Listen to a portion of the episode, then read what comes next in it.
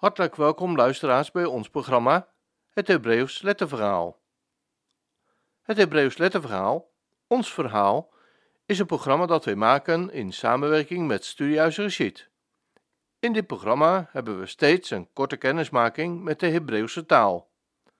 Het gaat niet om de taal op zich, niet om gegoochel met letters en getallen, maar om de taal, met letterbetekenis en getalswaarde als toegangstaal tot de Hebreeuwse Bijbel, de schriftgeworden stem van Israëls God.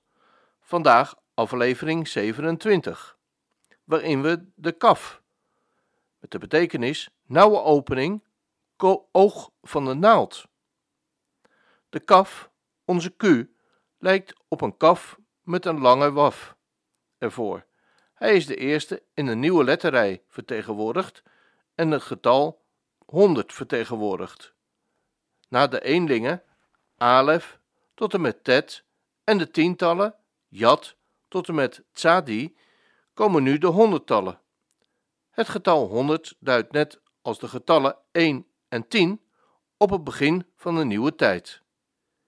In het honderdste levensjaar begon voor Abraham een nieuwe levensfase. Hij ontving Isaac en hij werd vader van vele volken, voorganger in het geloof, voortrekker. Na honderd tijden of honderd ervaringen komt het voor ieder lid van het godsvolk de eigen unieke levenstaal in zicht.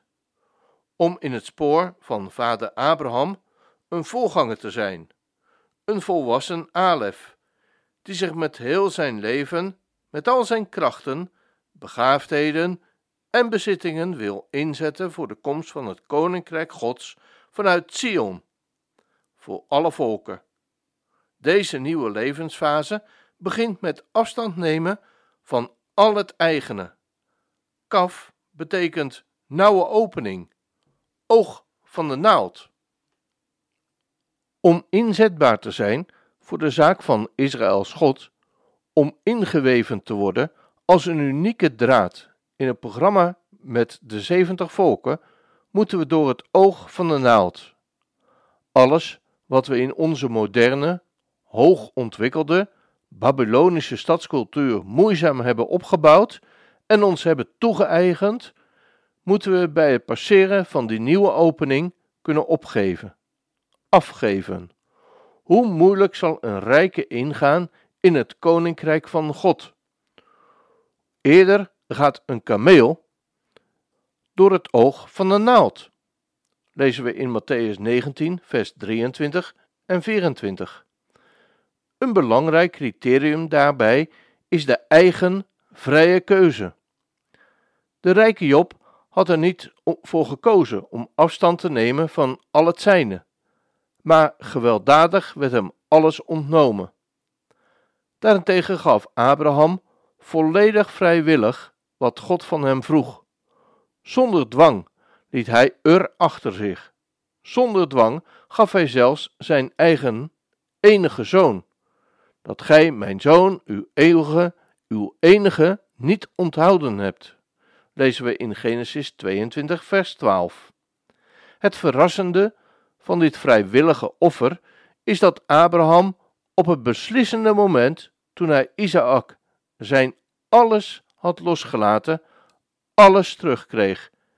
Isaac als nieuw, als uit de doden opgestaan. Het loslaten van al het onze is de grondslag voor een nieuw leven, voor geestelijke groei, voor levensrijpheid, voor leiderschap. Wie niet door het oog van de naald is gegaan, wie te veel vastzit aan de gegevens, wie liever in de Babel wil blijven, kan geen voorganger zijn. Geen echte Alef in het spoor van Abraham. Het Hebreeuwse woord kaf betekent ook aap. Wie niet door het oog van de naald is gegaan, is een naaper, wordt geen originele Alef, in wie de een, de unieke, zich weerspiegelt. Er is een interessante legende over de bouwers van de Babylonische toren.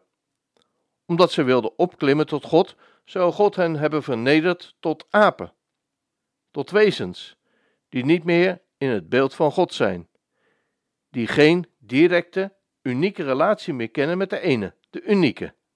Zoals later de trotse Babylonische koning Nebukadnezar gedegradeerd werd tot de grazende koe, zoals we lezen in Daniel 4, vers 25 en 33.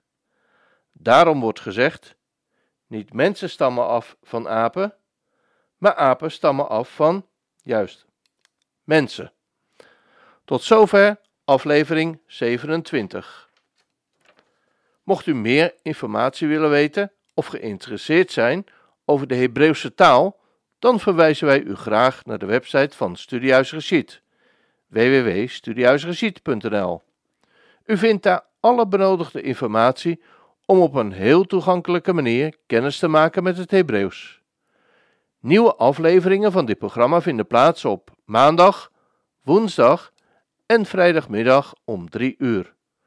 Voor herhalingen van dit programma ga dan naar www.radioisrael.nl Radio Weekprogramma. Terugluisteren kan ook. Ga dan naar radioisrael.nl Uitzending gemist.